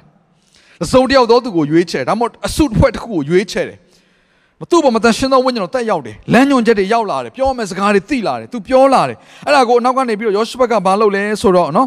ယောရှုဘက်အငယ်၁၈မှာယောရှုဘက်သည်မြေပေါ်မှာဥချ၍ယူဒပြည်ယေရုရှလင်မြို့သားအပေါင်းတို့သည်ထာဝရဘုရားရှေ့တော်၌ပြည့်ဝင့်လျက်ထာဝရဘုရားကိုကိုးကွယ်ကြ၏လေဝိမျိုးကောဟတ်အနွယ်သားနှင့်ကောရအနွယ်သားတို့သည်ဣသေလအမျိုးဤဘုရားသခင်ထာဝရဘုရားကိုကျဲသောအတန်နှင့်ချီးမွမ်းခြင်းငါရက်နေကြ၏အဲ့တော့သူတို့ ဘာလုပ်ကြလဲဘုရားကိုအတန်ကျဲကျဲနဲ့ချီးမွမ်းဖို့ရန်အတွက်စပြီးတော့ပြင်ဆင်ကြတယ်အဲ့တော့ဒီလိုအခြေအနေမှာကျွန်တော်မြန်မာပြည်အတွက်ကျွန်တော်ယုံကြည်သူများမတ်တရရမယ့်အရာတစ်ခုပါလဲဆိုတော့အတန်ကြဲကြဲတဲ့ဘုရားကိုချီးမွမ်းခြင်းဆိုတဲ့အရာကိုလုပ်သင့်ပါတယ်သင်တော့မသိဘူးเนาะကျွန်တော်တို့ဒါအသင်းတော်လည်းနှိုးဆိုတဲ့အရာတစ်ခုကတော့ညာဘက်၈နာရီရောက်တိုင်းမှာဖခင်သခင်ကိုယေရှုချီးမွမ်းကြပါမြမပြည်အတွက်ကောင်းတဲ့အရာတွေကိုဝန်ခံကြပါကြွေးကြော်ကြပါเนาะအဲ့တော့ တီးလို့ရတဲ့ဟာတွေတီးပေါ့အိမ်မှာဂီတာရှင်ဂီတာတီး drum ရှင် drum တီးနော်အိုးတွေခွက်တွေရှိနေအိုးတွေခွက်တွေတီးပေါ့ဒါပေမဲ့တီးတဲ့အခါမှာနော်သူများတွေတီးတဲ့ကဲ့သို့အတန်ကိုပြည့်ုံတက်တက်မဟုတ်ဖ ೇನೆ ဖះကိုချီးမွမ်းတဲ့ညာဖြစ်ရင်အဲ့ဒါကတကိုးဖြစ်သွားတယ်အိုးတွေခွက်တုံခွက်တွေတီးုံလောက်ကတော့အတန်ကတော့အားလုံးညီတူညာတူနော်တီးရင်တော့ထွက်လာမှာပေါ့ဒါကတော့ဘယ်ရမှာဆိုတခုကိုတီးလိုက်အတန်ထွက်လာမှာပဲဒါပေမဲ့ဖះကိုချီးမွမ်းခြင်းဆိုတဲ့အရာနဲ့ ပေါင်းဆက်ပြီးတော့ဖခင်ကိုကျေးဇူးချီးမွမ်းခြင်းဖခင်ရဲ့နာမတော်တွေကိုအတန်ကြက်ကြက်နဲ့အော်ဟစ်ချီးမွမ်းခြင်းဆိုတဲ့အရာကိုကျွန်တော်အသက်တာမှာလှုပ်လာပြီဆိုရင်အဲ့ဒါဘာဖြစ်သွားလဲဆိုတော့မှောင်မိုက်ထဲမှာရှိနေသောနတ်ဆိုဝိညာဉ်ဆိုရင်လည်းရှင်ပြိုင်ပြီးတော့တိုက်နေတဲ့တိုက်ပွဲတွေကိုကျွန်တော်ရောက်သွားတာဖြစ်တယ်။အော်ဒီနေ့နော်ဒီအချိန်တွေမှာတော့မိမိရဲ့အတန်ကိုထုတ်လွှင့်ပြီးတော့အာရပါရအော်ဟစ်ကြွေးကြော်တဲ့အရာတွေကိုလူငယ်လူကြီးအားလုံးကအားရဝမ်းသာစွာလှုပ်ဖို့ရန်အတွက်စိတ်အားတကြကြတယ်မဟုတ်ဘူးလား အဲ့တော့ကျွန်တော်ကဘာအားပေးခြင်းဆိုတင်းရဲ့အတန်နဲ့တင်းရဲ့အော်ဟစ်ခြင်းတွေကိုဖခင်ရဲ့နာမကိုချီးမွမ်းခြင်းထဲမှာအသုံးပြုဖို့ရန်အတွက်ကျွန်တော်အကြံပေးခြင်းပါတယ်အကောင်းဆုံးကပဲအချိန်နဲ့ညဘက်၈နာရီတိုင်းဟာလေလုယာအိုးဂီတာရှင်ဂီတာတီးပြီးတော့ဖခင်ကိုကျေးဇူးတော်ချီးမွမ်းပါအာမင်ဟာလေလုယာလက်ခုပ်တီးလက်ခုပ်တီးပါလက်ခုပ်ဘာမှတီးစရာမရှိလက်ခုပ်တီးနော်ချို့တွေကလည်းအိမ်ကအိုးတွေခွက်တွေလည်းကုန်းပြီးထင်းတယ် ဆိုတော့လက်ခုပ်တီးပြီးဘုရားကိုချီးမွမ်းပါမြန်မာပြည်နဲ့ပတ်သက်ပြီးကောင်းတဲ့ຢာတွေကိုဝန်ခံပါ။အိုးဘုရားသခင်တက်ဆွမ်းနိုင်ခြင်းတွေကိုကျွန်တော်ကြွေးကြော်ပါ။ဘုရားဟာကျမ်းမာခြင်းရှင်ဖြစ်တယ်။ဘုရားရှင်လွတ်မြောက်ခြင်းကိုပေးတဲ့ဘုရားဖြစ်တယ်။ဘုရားရှင်ကဘုရင်တကာတို့ရဲ့ဘုရင်ဖြစ်တယ်။အရှင်တကာတို့ရဲ့အရှင်ဖြစ်တယ်။ဟာလေလုယာ။ထိုဘုရားသခင်မတတ်နိုင်သောအရာမရှိဘူး။အာမင်။ဘုရားသခင်အောင်ပွဲကိုယူပေးတဲ့ဘုရားဖြစ်တယ်။ဟာလေလုယာ။မြန်မာပြည်ကိုဘုရားရှင်ကောင်းစားစေအောင်မယ်။မြန်မာပြည်ကိုဘုရားရှင်ကငြိမ်သက်ခြင်းပေးအောင်မယ်။စသဖြင့်တင်းနှုတ်ဆက်စကားဝန်ခံကြွေးကြော်ခြင်းနဲ့ဒီနေ့အတန်ကိုပြုလာမယ်ဆိုရင်ကျမ်းစာကိုကျွန်တော်ဆက်ဖက်လိုက်တဲ့အခါမှာဘာတွေ့ရလဲဆိုတော့ အငယ်20မှာနက်ပြန်နည်းနည်းစောစောထား၍တေကောတော်သို့ထွက်သွားကြ၏သွားကြစဉ်တွင်ယောရှဖတ်သည်ရက်၍အိုးယူဒပြည်သူယေရုရှလင်မြို့သားတို့နားထောင်ကြလော့သင်တို့ဖျားသခင်ကိုယုံကြည်ကြလော့တို့ပြုလျင်တည်ကြည်ကြလိမ့်မည် ပရောဖက်တော်တို့ကိုယုံကြည်ကြလော့တို့ပြုလျင်အောင်မြင်ကြလိမ့်မည်မိန့်တော်မူ၏လူများနှင့်တိုင်ပင်ပြီးမှထာဝရဘုရားဂိယူနာတော်သည်အစင်မြဲတည်သောကြောင့်ဂုံကျေးဇူးတော်ကိုချီးမွမ်းကြလော့တက်ရှိမှခြိသွားလေတန်ရှင်းခြင်းအတရေကိုချီးမွမ်းရသောတခြင်းတယ်တို့ကိုထာဝရဘုရားအဖို့ခံထားတော်မူ၏။အိုးကြွယ်ဝခြင်းတွေကိုကျေးဇူးတော်ချီးမွမ်းတာမဟုတ်တော့ဘူး။ကိုကောင်းစားနေလို့ကျေးဇူးတော်ချီးမွမ်းတာမဟုတ်တော့ဘူး။ဒီလောက်ဆိုးရွားတဲ့အချိန်တွေထဲမှာပင်လေဘုရားသခင်ကဘာတူလဲဆိုတာကိုဝန်ခံတာဖြစ်တယ်အဲ့ တော့ဒီတခြင်းတွေကဘာကိုဝန်ခံကြလဲဘုရားရှင်တန်ရှင်ခြင်းအသရေကိုဝန်ခံကြတာဘုရားကဘလို့ဘုရားမျိုးလဲအဲ့ဒါကိုဝန်ခံကြဘုရားသခင်ဖြစ်ခြင်းအလုံးစုံကိုဘုရားရဲ့နာမတော်တွေကိုကြွေးကြော်တဲ့သူတွေဖြစ်တယ်အဲ့တော့တခြင်းတွေကိုထာဝရဘုရားဖို့ခန့်တော့သူတို့ထိုသူတို့ဒီချီးမွမ်းရတခြင်းကိုစိုးစားပြုသောအခါတခြင်းပြီးသွားမှပြောတာမဟုတ်ဘူးနော်စိုးစားပြုသောအခါကျွန်တော်ဒံယေလအခန်းကြီး9မှာလဲနော်ကျွန်တော်တို့ဒံယေလရဲ့ဆုတောင်းခြင်းကိုကျွန်တော်တို့ လေ့လာလိုက်တဲ့အခါမှာဆူတောင်းစပြုတဲ့အခါမှာတဲ့ကောင်းကင်ဘုံကစပြီးလှုပ်ရှားတယ်အခုလည်းဒီကျမ်းစာမှာဘာတွေ့ရလဲဆိုတော့တချင်းဆိုစပြုတဲ့အခါမှာဒါကြောင့်ကျွန်တော်ပြောမယ်ဒီနေ့ကျွန်တော်ဒီလိုမျိုးအခြေအနေမှာအချိန်မြင့်ရမယ့်အရာတစ်ခုကဆူတောင်းခြင်းနဲ့ တချင်းဆိုခြင်းဖြစ်တယ် hallelujah ဒီကပြော pray and praise hallelujah အဲ့တော့ဆူတောင်းခြင်းနဲ့ဆူတောင်းခြင်းနဲ့ချီးမွမ်းခြင်းကိုကျွန်တော်အချိန်မြင့်ဖို့ရန်အတွက်เนาะဒီနေ့ဘုရားရဲ့သရှင်သောဝိညာဉ်တော်ကကျွန်တော်တို့ကိုနှိုးဆော်နေတယ်ဆိုရာကိုကျွန်တော်အရင်မခံစားရပါတယ်เนาะထိုသူတို့သည်ချီးမွမ်းရသခြင်းကိုစိုးစားပြုသောအခါယူဒပြည်ကိုတိုက်ရန်ဟာတိုက်ရန်သောငါလာသောစိရတောင်သားတို့ကိုအာမုံမျိုးသားမောဘမျိုးသားတို့တစ်ဖက်၌ထာဝရဘုရားချောင်းမြောင်းစေတော်မူသဖြင့်အာမုံမျိုးသားမောဘမျိုးသားတို့သည်အထိကိခံရသောကြောင့်တစ်ဖက် စိရတောင်သားတို့ကိုတုတ်တင်ပယ်ရှင်းခြင်းကလှန်၍တိုက်သဖြင့်အကုန်စင်သက်ပြီးမှတယောက်ကိုတယောက်တိုက်ခိုက်၍ပျက်စီးခြင်းတို့ရောက်ကြ၏အာမင်အဲ့တော့ဣသရေလလူမျိုးသွားပြီးတော့သူတို့ဓာလှန်လက်နက်ကိုဆွဲကင်ပဲတိုက်เสียမလို့ပဲအောင်ပွဲကိုရသွားတယ်ရန်သူတွေဘလို့တိုက်ကြတယ်အချင်းချင်းပြန်တိုက်ကြတယ်ကျွန်တော်တော့လိုက်ပြောပါအောင်အချင်းချင်းပြန်တိုက်ကြတယ်ဘသူတွေတိုက်ကြတော့ရန်သူတွေအာမင်ရန်သူတွေအဲ့တော့အရင်ကျွန်တော်တို့ကြုံရတဲ့မြန်မာပြည်ရဲ့အခြေအနေဟာဝိညာဉ်တိုက်ပွဲဖြစ်ပါတယ် ဝိညာဉ်တိုက်ပွဲဖြစ်တယ်။မှောင်မိုက်နယ်ဘက်မှာအချင်းချင်းနေရလို့တဲ့ຢာတွေအများကြီးရှိတယ်။အဲ့တော့နတ်ဆိုးတွေကအချင်းချင်းဆိုင်ပြိုင်တိုက်လန်တဲ့အရာတွေရှိတယ်နော်နတ်ဆိုးချင်းချင်းဆိုပြီးညီညွတ်မှမထင်နဲ့ယုံကြည်သူချင်းချင်းတောင်မှမညီညွတ်တဲ့ကိစ္စအဲ့တော့မှောင်မိုက်ရဲ့တကိုးကနော်သူ့ထက်ငါနော်တခါတာဖို့သူ့ထက်ငါနေရရဖို့ဒီဟာမျိုးတွေကိုပို့ပြီးတော့နော်လှုပ်ဆောင်ကြတဲ့အရာဖြစ်တဲ့ကြောင့်မလို့ဒီမှောင်မိုက်ရဲ့နယ်ပယ်ကိုပေါ်ပြတဲ့အပြစ်နယ်ပယ်မှာလည်းဒီလိုတွေဖြစ်လာတာပဲဆိုင်ပြိုင်မှုတွေတိုက်လန်မှုတွေနော် စသဖြင့်ပေါ့အမျိုးမျိုးသောမကောင်းသောအနိဋ္ဌာယုံတွေအားလုံးဟာစပြီးတော့စီစဉ်လာတယ်အဲ့တော့ကျွန်တော်တို့ကဆူတောင်းတဲ့ခါမှာဘယ်လိုဆူတောင်းမို့လို့တယ်နော်ဒါဝိရဲ့ဆူတောင်းခြင်းနော်ဒါဝိကတခါလဲသူ့ကိုပုံကံမယ်ဆိုတဲ့အရာကိုသူကနော်အဗက်ရှလုံကပုံကံမယ်ဆိုတဲ့အရာသူကသိတဲ့အခါမှာတခါလဲနော်အဗက်ရှလုံရဲ့ဘေးမှာရှိတဲ့အကြံပေးတဲ့သူ့ရဲ့စကားတွေကိုမကောင်းတဲ့အကြံစိုးသောအကြံပေးဖို့သူကဆူတောင်းတဲ့အခါမှာဟောစိုးသောအကြံပေးလိုက်တခါလဲနော် ပျက်စီးသွားအောင်ချက်ချင်းရန်သူကကိုယ်သွားတိုက်ဆရာမလို့သူကသူပျက်စီးတာသူ့အကြံနဲ့သူတခါဒီကျမ်းစာမှာလည်းအဲ့လိုပဲကျွန်တော်ရာဇဝင်ကျုပ်ဒုတိယစာဆောင်ရဲ့နော်ဒီအခန်းကြီး16နဲ့အခန်းငယ်အခန်းကြီး16နဲ့19ဖတ်လိုက်မယ်ဆိုရင်အဲ့ဒီမှာအာဟတ်မင်းနဲ့နော်တခါလေဒီဆောကပြောယောရှဖတ်တို့ဘာတို့ကတခါစုပေါင်းပြီးတော့သူတို့စစ်တိုက်ဖို့ပြင်တဲ့အခါမှာအာဟတ်မင်းမှာသူကနော် prophet ဘယ်နှပါအောင်ရှိဆိုတော့ prophet ပါ400ရှိတယ် ဆိုတော့အာဟမင်းကသူကဘယ်လိုပြောလဲဆိုတော့နော်ဒီ prophet 400ဟာတဲ့နော်အရန်ကောင်းတဲ့စကားတွေကိုသူတို့ကပြောပြီးတော့တဲ့ငါ့ကိုသက်သာစေတယ်တဲ့သူတို့ကတကယ်ကိုဘုရားသခင်ခံတဲ့ prophet တွေတဲ့ဒါပေမဲ့တယောက်ကတော့ရှိတယ်တဲ့ prophet 400ထဲမှာမပါတဲ့တယောက်ကတော့တဲ့မကောင်းတဲ့စကားတွေပဲလာလာပြောတယ်တဲ့ဆိုတော့သူကအဲ့ prophet ကိုမသုံးဘူးအဲ့တော့အဲ့ကျမ်းစာလေးကိုဖတ်လိုက်တဲ့ခါမှာဘာတွေ့ရလဲဆိုတော့စိုးသောဝိညာဉ်နော်မကောင်းသောအကြံကိုကြံတဲ့ဝိညာဉ်ပေါ့ဝိညာဉ်ဟာတဲ့နော်ဆောဆော prophet 400ပေါ်မှာဘုရားသခင်တက်ရောက်စေပြီးတော့နော် အဲ့ဒီစိုးအဲ့မကောင်းတဲ့အကြံကိုပေးတဲ့ဝိညာဉ်ကနေပြီးတော့တခါလေဒီ prophet 400အားဖြင့်အာဟမ်မင်းကိုမကောင်းတဲ့အကြံတွေပေးနေတာဒါပေမဲ့နော်သူကမကောင်းတဲ့အကြံဆိုတာတခါတည်းမှာအင်မတန်မှလှပတဲ့စကားလုံးလေးတွေနဲ့နော်တကယ်နှစ်သက်ဖွယ်စိတ်ချမ်းသာစရာစကားလေးနဲ့လာတတ်တယ်ဒါပေမဲ့အဲ့ဒီလာအဲ့ဒီဆော့ဆော့ပြောအကြံပေးတဲ့စကားတွေကိုလိုက်လို့တဲ့တခါလေပျက်စီးခြင်းတွေကိုရောက်သွားရောတခါတည်းမှာကျွန်တော်တို့နော်နားထောင်ဖို့ခက်တဲ့စကားလုံးတွေကဘုရားသခင်စီကလာတာဖြစ်တတ်ပြီးတော့တခါတည်းမှာကျွန်တော်အရန်ကြားလို့ကောင်းတဲ့စကားတွေကလည်းနော်မကောင်းသောအတွေးခေါ် စိုးသောအကြံပေးခြင်းဖြစ်နိုင်ပါတယ်ဒါကြောင့်ကျွန်တော်တို့ဝိညာဉ်ပိုင်းဆိုင်မှာလည်းအင်ပဒမပါနှက်ဖို့လိုတယ်နော်လူတိုင်းလှုပ်တဲ့အရာတစ်ခုကိုလိုက်လှုပ်နေဖို့လည်းမလိုသလိုနော်ဘယ်သူမှမလှုပ်တဲ့အကြံစီတစ်ခုကိုလည်းတခါလေနော်ကျွန်တော်တို့နားထောင်တတ်ဖို့ရန်တခါတည်းတန်ရှင်းသောဝိညာဉ်တော်ကတုံတင်တတ်ပါတယ်အဲ့တော့ဒီအဖြစ်ပြက်မှာတော့ နော်ကျွန်တော်တို့ဒါရှေ့ပိုင်းမှာဖတ်လိုက်မယ်ဆိုရင်ပေါ့နော်နောက်ဆုံးမှာဒီဇလန်လေးကိုကြည့်ကြည့်လိုက်တဲ့ခါမှာဘာတွေ့ရလဲဆိုတော့ဆော့ဆော့ပြောတဲ့ prophet လေးရာကခါခါလေးရှင်းပြင်းနားထောင်ခြင်းတဲ့စကားမျိုးကိုပဲပြောနေတာတခါလေအဲ့စကားတွေအားလုံးကတကယ်တော့ဘယ်စီကလာဆိုလှည့်စားတဲ့ဝိညာဉ်စီကလာတဲ့စကားတွေဖြစ်နေတယ်လိန်လေတဲ့ဝိညာဉ်စီကလာတဲ့စကားတွေဖြစ်နေတယ်အဲတော့နော်ကျွန်တော်တို့ဒီအဖြစ်ပြက်တစ်ခုပေါ့နတ်ဆိုးဆွဲနတ်ဆိုးဆွဲတဲ့လူကိုနော်တခါနတ်ဆိုးနှင်ဖို့လှုပ်တဲ့ခါတော့ခါကျတော့နတ်ဆိုးကိုမေးတာပေါ့နော်နတ်ဆိုးကဒီကိုခန္ဓာထဲမှာရှိနေတဲ့ခါကျတော့ဟေးနတ်ဆိုး မင်းရဲ့နာမည်ကဘယ်လိုခေါ်လဲဆိုတော့နတ်ဆိုးကပြန်ပြောတယ်ငါကလိန်လေတဲ့ဝိညာဉ်ဖြစ်တယ်နော်ဆိုတော့သူ့ရဲ့နာမည်ကိုသူပြောငါကလိန်လေတဲ့ဝိညာဉ်ဖြစ်တယ်အဲ့နဲ့ဆရာပြန်မေးတယ်မင်းအခုပြောနေတဲ့နာမည်အောင်မှန်ရဲ့လားတဲ့ဆိုတော့သူ့နာမည်ကသူကဒါလိန်လေတဲ့ဝိညာဉ်ဖြစ်တာ ਉਹ နော်ဆိုတော့ तू ဘာပြောပြောယုံယုံစရာအကြောင်းမရှိဘူးအဲ့တော့ဆိုတော့ဒီလိုမျိုးနော်မကောင်းတဲ့မှားသောအကြံကိုပေးတတ်တဲ့အရာမျိုးတွေနော်ဒါရန်သူရဲ့နယ်ပယ်ထဲမှာလှုပ်ရှားခြင်းဆိုတဲ့အရာတွေကရှိတယ်။ အဲကြောင့်ကျွန်တော်တို့ကဆူတောင်းတဲ့ခါမှာလည်းဝิญဉ်သဘောဒီနှုတ်ကပတ်တော်မှာအခြေပြုပြီးတော့အဲဆူတောင်းတတ်ဖို့လည်းအရင်ရေးကြည့်ပါတယ်။အဲ့တော့ကဲဒီနေ့ဒီအဖြစ်ပြက်ဒီဇလန်ထဲမှာရှိတဲ့အဖြစ်ပြက်နှစ်ခုအပြင်เนาะအဖြစ်ပြက်မှာပါတဲ့အရာနှစ်ချက်ပေါ့နော်။ပထမတစ်ချက်ကပါလဲဆူတောင်းခြင်းဒုတိယတစ်ခုကပါတယ်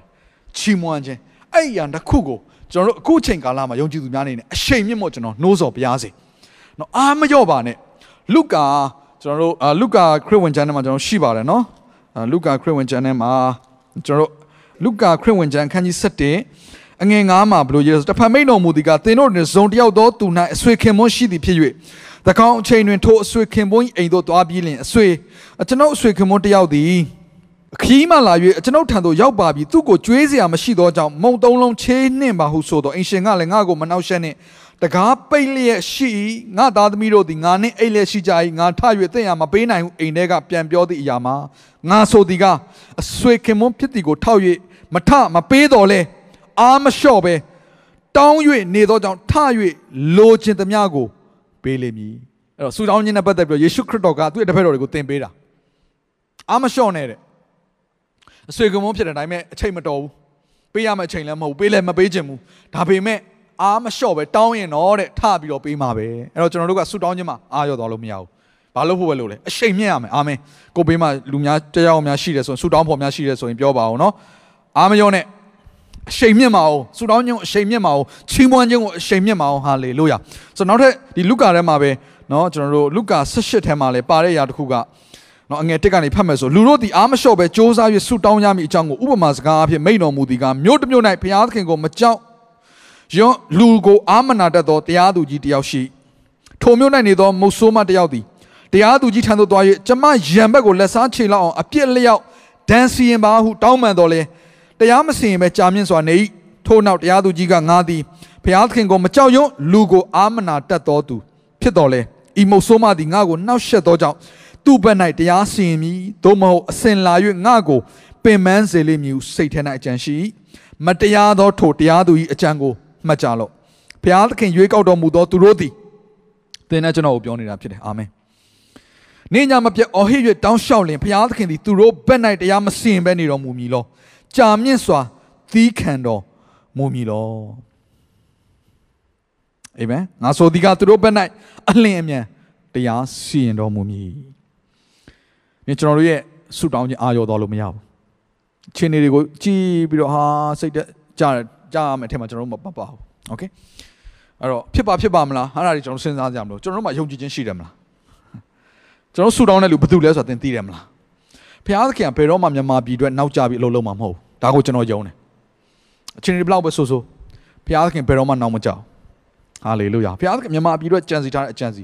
သူ့အချိန်နဲ့သူဖြစ်လာလိမ့်မယ်အာမင်ကျွန်တော်ဘက်ကဘာလုပ်ဖို့လိုလဲကျွန်တော်ရဲ့အလိုဆန္ဒတွေနဲ့ဝန်ထုတ်ဝန်ပိုးတွေကိုဘုရားသခင်အလိုတော်အောက်မှာဝန်ခံအနှံခြင်းဆိုတဲ့စာရှောင်ခြင်းဆုတောင်းခြင်းနဲ့အာမလျှော့ပဲနဲ့တိုးဝင်ဖို့အရန်ကြီးကြည့်တယ်အာမင်ဆုတောင်းအောင်တက်တက်ပဲလားမဟုတ်ဘူးဘုရားသခင်တန်ရှင်းခြင်းတန်ရှင်းခြင်းအသရေကိုလည်းချီးမွမ်းတဲ့တခြင်းတယ်တွေအဲ့တော့အခုကျွန်တော်ဒီလိုပဲနားလဲတယ်အသင်းတော်တိုင်းမှာเนาะကျွန်တော်ခရိယန်ဖွဲ့စည်းတိုင်းမှာတခြင်းဆိုတဲ့လူတွေရှိတယ်တခြင်းဆိုတဲ့လူတွေရှိတယ်စုလို့ရတဲ့နေရာမှာစုပြီးတော့တခြင်းဆိုကြပါ အာမင်ကျွန်တော်လည်းကျွန်တော်လူငယ်တွေကိုအားပေးတယ်နော်အဲ့တော့သူတို့လမ်းပေါ်မှာထွက်ပြီးတော့ဘုရားကိုချီးမွမ်းကြတယ်ဟာလေလုယာမြန်မာပြည်ကိုဆုတောင်းကောင်းကြီးပေးကြတယ်အဲ့တော့မဆဲနဲ့ဆဲဆိုတဲ့စကားတွေမလုံးနဲ့ဆုတောင်းမယ်ချီးမွမ်းခြင်းကိုအရှိန်မြင့်မယ်ဟာလေလုယာလမ်းပေါ်မှာရှိလမ်းပေါ်မှာချီးမွမ်းမယ်လမ်းပေါ်မှာဆုတောင်းမယ်အစာအုပ်ထဲမှာရှိအစာအုပ်ထဲမှာချီးမွမ်းမယ်ကျွန်တော်ဆုတောင်းမယ်အာမင်ဟာလေလုယာအဲ့တော့ကျွန်တော်တို့အသင်းတော်အနေနဲ့အခုလာမယ့်တစ်ပတ်လုံးမှာကျွန်တော်ချီးမွမ်းသွားမှာဖြစ်တယ် အာမင်ကျွန်တော်ဆူတောင်းကြတယ်ဆူတောင်းကြတယ်ဆူတောင်းတဲ့ချိန်တွေတော့ကျွန်တော်တတ်မှတ်ကြတယ်အစာရှောင်မဲ့ချိန်တွေကျွန်တော်တတ်မှတ်ကြတယ်ဒါပေမဲ့အခုလာမယ့်တစ်ပတ်ကစပြီးတော့အစာရှောင်ပြီးတော့ဆူတောင်းရုံမကဘူးချီးမွမ်းမှချီးမွမ်းမယ်အဲ့တော့ကျွန်တော်တို့အခုနော်အာလမ်းပေါ်မှာလည်းကျွန်တော်ချီးမွမ်းကြတယ်လေအဲ့တော့ကျွန်တော်တို့အာ the city အတင်းတော့အားလုံးသိပါလိမ့်မယ်အဲ့ဒီမှာကျွန်တော်တို့နော်အခုလာမယ့်တစ်ပတ်အင်္ဂါနေ့ကစပြီးတော့ညနေဘက်နော်ညနေဘက်လောက်မှာစပြီးတော့ကျွန်တော်တို့ချီးမွမ်းခြင်းဆိုတဲ့အရာတွေကိုလှုပ်ဆောင်မှုရှိပါတယ်ချီးမွမ်းမယ်ဘုရားရဲ့တန်ရှင်တဲ့တွေကိုချီးမွမ်းမြန်မာပြည်ကိုကောင်းကြီးပေးမယ်ဆုတောင်းမယ်ဒီအဖြစ်ပြအခြေအနေဒီအခြေအနေဇိုးကြီးကနေအလင်းအလင်းမြန်လွန်မြောက်ဖို့ကျွန်တော်တို့ဆုတောင်းကြမယ်အာမင်အဲ့တော့ကျွန်တော်တို့ဆုတောင်းမယ်ဆုတောင်းချက်တွေအားလုံးသိပါတယ်နော်ဘာမှကျွန်တော်တို့ဆုတောင်းချက်ဘာတွေလဲဆိုတော့ပြောစရာမလိုပါဘူးအားလုံးအကုန်လုံးသိကြတယ်မြန်မာပြည်ရဲ့အနာဂတ်ကောင်းစားခြင်းရှိဖို့လွတ်မြောက်ခြင်းရှိဖို့ကျမ်းမာခြင်းရှိဖို့ဒီနေ့မြန်မာပြည်မှာရှိကြသောတိုင်းရင်းသားလူမျိုးပေါင်းစုံအားလုံးကညီညွတ်ခြင်းနဲ့ဒီနေ့တကယ့်ကိုကောင်းမွန်တဲ့တိုးတက်တဲ့တိုင်းနိုင်ငံတစ်ခုကိုရောက်လာဖို့ရတယ်ကျွန်တော်အားမလျှော့ပဲဆုတောင်းရအောင်ဟာလေလုယာကျွန်တော်ရဲ့ဘိုးဘေးတွေဆုတောင်းခဲ့ကြပြီးပြီကျွန်တော်ရဲ့အဖေမေတွေဆုတောင်းခဲ့ကြပြီးပြီကျွန်တော်တို့ဆုတောင်းခဲ့ကြအခုကျွန်တော်တို့ရဲ့နောက်ထပ်မျိုးဆက်တွေလည်းဆုတောင်းကြရမယ်အာမင်အဲ့တော့ဒီ generation တွေအားလုံးကဆုပေါင်းပြီးတော့အစာရှောင်ခြင်းနဲ့ဆုတောင်းရုံနဲ့မကဘဲနဲ့ဒီအတူတကွဖခင်ရဲ့အတန်ရှင်ရဲ့အတရေကိုချီးမွမ်းခြင်းဆိုတဲ့အကြောင်းကျွန်တော်အရှိန်မြင့်လာပြီဆိုရင် တေချာတစ်ခုကလေထူကြီးကပြောင်းလဲပြီဟာလေလို့ရလေထူကြီးပြောင်းလဲပြီအဲ့တော့သင်ယနေ့လဲချီးတဲ့နေရာကချီးမွမ်းမှာတယောက်တည်းအားမရဘူးဆိုကျွန်တော်တို့လာရောက်ပြီးတော့အတူတကွချီးမွမ်းမှာကျွန်တော်တို့နော်ရှိနေမယ်ချီးမွမ်းတဲ့နေရာမှာကျွန်တော်တို့ရှိနေမယ်เนาะကျွန်တော်တို့ဒါဖះเจ้าဆိုတဲ့ຢာကဆူတောင်းခြင်း ဖះကိုတချင်းဆိုခြင်းဆိုတဲ့ຢာပြည့်ရှမ်းမယ့်နေရာဖြစ်တယ်ဒါကြောင့်မို့ကျွန်တော်ဖះเจ้าထဲမှာအခုလာမယ့်တစ်ပတ်လုံးမှာเนาะအဲ့ဒီချီးမွမ်းခြင်းနဲ့ဆူတောင်းခြင်းအဖြစ်ကျွန်တော်တို့ဝิญဉ်ပိုင်းဆိုင်မှာတိုက်ပွဲဝင်မှုရန်အတွက်ကျွန်တော်အားလုံးကိုနှိုးဆော်ခြင်းပါတယ်ဆိုတော့အသင်ကဲ၍သင်လာဖို့အဆင်ပြေတယ်ဆိုရင်အနီးနားမှာရှိတယ်ဆိုရင်ကျွန်တော်တို့เนาะအာ the city အသင်တော်ကိုလာရောက်ပြီးတော့ဆူတောင်းခြင်းအဆရှောင်းဆူတောင်းခြင်းမြန်မာပြည်အတွက်ကောင်းကြီးပေးခြင်းနဲ့ချီးမွမ်းခြင်းအစီအစဉ်မှာเนาะအာ လာလို့ရရင်လာဖို့ရန်အတွက်ကျွန်တော်နှိုးဆော်ခြင်းပါတယ်เนาะအဲ့တော့တင်ရှိတဲ့နေရာမှာပဲလာဖို့ရန်အဆင်မပြေဘူးဆိုရင်เนาะချို့ကလည်းနိုင်ငံခြားမှာဖြစ်မယ်ချို့ကလည်းတခြားသောအာမြို့ရွာတွေမှာရှိနိုင်ပါတယ်ကဲအဆင်မပြေဘူးရန်ကုန်မှာဆိုရင်ရန်ကုန်ကအကျယ်ကြီးဆိုတော့နေရာဝေးကြီးမှာရှိတယ်ဆိုရင်တင်ရှိတဲ့နေရာမှာမိသားစုပဲဖြစ်ဖြစ်ယုံကြည်သူအစုပဲဖြစ်ဖြစ်เนาะ home set ပုံစံမျိုးစုပြီးတော့စုတောင်းခြင်းနဲ့ချီးမွမ်းခြင်းကိုအရှိန်မြင့်ပါလို့ကျွန်တော်နှိုးဆော်ခြင်းနဲ့ကျွန်တော်ယုံကြည်တဲ့ຢာကတော့ဒီနှုတ်ကပတ်တော်ထဲမှာဆောစောကကျွန်တော်ဖတ်ခဲ့တဲ့ဓမ္မရာဇဝင်ချုပ်ဒုတိယဆောင်ခန်းကြီး20ထဲမှာဖြစ်ဖြစ်ခဲ့တဲ့အဖြစ်ဖြစ်လို့ပဲ အာမင်စပြီးတော့ချီးမွမ်းခြင်းနဲ့လှုပ်ဆောင်လိုက်တာနဲ့ဟိုဝိညာဉ်နယ်ပယ်တစ်ခုလုံးလှုပ်ရှားပြီးတော့လှုပ်ရှားပြီးတော့ကိုယ်သွားပြီးတော့ဘာမှတိုက်เสียရမလို့ပဲနဲ့အလိုလိုပြုတ်ပြတ်ခြင်းနဲ့နော်မာနရဲ့တတိုင်းနေပြုတ်ပြတ်ခြင်းဆိုတာအရာတွေဖြစ်လာပြီးတော့ဒီနေ့ဘုရားသခင်တိဆောက်သောကောင်းမွန်သောအရာတွေမြန်မာပြည်ပေါ်မှာပြန်လည်ပြီးတော့တိဆောက်ခြင်းဆိုတဲ့အရာတွေဖြစ်လာဖို့ရန်လမ်းစပေါ်လာမယ်လို့ကျွန်တော်ယုံကြည်ပါတယ်။ဒါကြောင့်မလို့ဒီဆူတောင်းသူရဲ့ကောင်းအရောက်စီတိုင်းကိုကျွန်တော်ဒီညကနေကျေးဇူးတင်စကားလည်းပြောခြင်းနဲ့ နိုးလို့နိုးလဲနိုးဆော့ခြင်းပါတယ်လို့ကျွန်တော်အတူတူကနော်အခုလာမဲ့တပတ်အင်္ဂါနေ့ကနေစပြီးတော့ဇက်တိုက်နော်ကျွန်တော်ပြောဖို့မိသွားတယ်ခုနှစ်ရက်ဇက်တိုက်အားဒီမှာထားပါခုနှစ်ရက်ဇက်တိုက်အခုလာမဲ့အင်္ဂါနေ့ကနေစပြီးတော့ခုနှစ်ရက်ဇက်တိုက်နေ့ရက်တိုင်းမှာချီးမွမ်းခြင်းနဲ့ဆူတောင်းခြင်းနဲ့အစာရှောင်ခြင်းကိုဇက်တိုက်အရှိန်မြင့်သွားဖို့ရန်အတွက်နှိုးဆော်ခြင်းပါတယ်လို့အဲ့တော့အခုတခါတည်းဒီနှုတ်ကပတ်တော်ပြီးသွားတဲ့အခါမှာကျွန်တော်တို့နော်တခြင်းတစ်ပုတ်အားဖြင့်ဘုရားသခင်အတူတကွတီးဆိုပြီးတော့ဝန်ခံရအောင်အဲ့ဒါကတော့ဆော့ဆော့ကျွန်တော်တို့ ဖတ်သွားတဲ့ကျမ်းစာတွေမှာပါတဲ့ကျမ်းပိုက်ပါပဲစစ်မှုဟာကျွန်တော်တို့တာမဟုတ်ဘူးဘုရားသခင်အတာဖြစ်တယ်ဆိုတဲ့ဒီစစ်မှုဟာကိုရောရဲ့အတာဖြစ်တယ်ဆိုတဲ့တခြင်းကိုကျွန်တော်ကျွန်တော်တို့အရင်တုန်းကဒီကိုရိုနာဗိုင်းရပ်စ်ပေါ့နော်ကျွန်တော်မြန်မာပြည်အကြီးကျယ်ကြုံတွေ့ရတဲ့အချိန်တုန်းကကျွန်တော်တို့အိမ်နေမှာနေရတဲ့အချိန်ကနော်အိမ်ကနေပြီးတော့ဆူတောင်းခဲ့တဲ့ဆူတောင်းစီစဉ်ရှိပါတယ်အဲ့ဒီမှာဆရာမဆူဇန်ပေါ့နော်သူဥဆောင်ပြီးတော့တီးဆိုခဲ့တဲ့ဒီသချင်းလေးကိုကျွန်တော်ပြန်ဖွင့်ပြီးတော့ပေါ့နော်အတူတူကအနောက်ကနေတီးဆိုမယ်ဝန်ခံမယ်အဲ့အဲ့သချင်းတီးဆိုရင်တခါလေကျွန်တော်မြန်မာပြည်အတွက်ဆူတောင်းရအောင်အဲ့ဒါလေးကိုနှိုးဆော်ခြင်းပါတယ်ရောက်တိုင်းဖျက်ကောင်းကြီးပေးပါစေ ဒီအစီအစဉ်လေးအပြင်တင်းရဲ့အသက်တာမှာကောင်းကြီးဖြစ်မယ်ဆိုတာကိုကျွန်တော်ယုံကြည်ပါတယ်ဗီဒီယိုကြည့်ပြီးခံယူလို့သူများအတွက်အပတ်စဉ်တရားဟောခြင်းများ Bible Study ကြီးမွန်ကိုယ်ွယ်ခြင်းနဲ့အခြားသောအကြောင်းအရာတွေဟာတင်းအတွက်အဆင်သင့်ရှိနေပါတယ် YouTube မှာ The City Space TV လို့ရိုက်ထည့်လိုက်တဲ့အခါကျွန်တော်တို့ကိုတွေ့ရှိမှာဖြစ်ပါတယ် Subscribe လုပ်ခြင်းအပြင်တင်းနဲ့ထက်ချက်မကွာအမြင်ရှိနေပါပါဒါအပြင် Facebook မှာလည်း The City ရန်ကုန်လို့ရိုက်ထည့်လိုက်တဲ့အခါတည်င်းအချက်အလက်နဲ့ poster တွေကိုအချိန်နဲ့တပြေးညီတွေ့ရှိအောင်မှာဖြစ်ပါတယ်ခင်ဗျာ The City Podcast ကိုနားထောင်ကြတိုင်းဖျားသခင်ရဲ့ထူကြသောဖွင့်ပြချက်နဲ့ကောင်းကြီးမင်္ဂလာများခံစားမိကြောင်းကျွန်တော်ဆုတောင်းရင်ဤစီစဉ်လေးကိုဒီမှာပဲ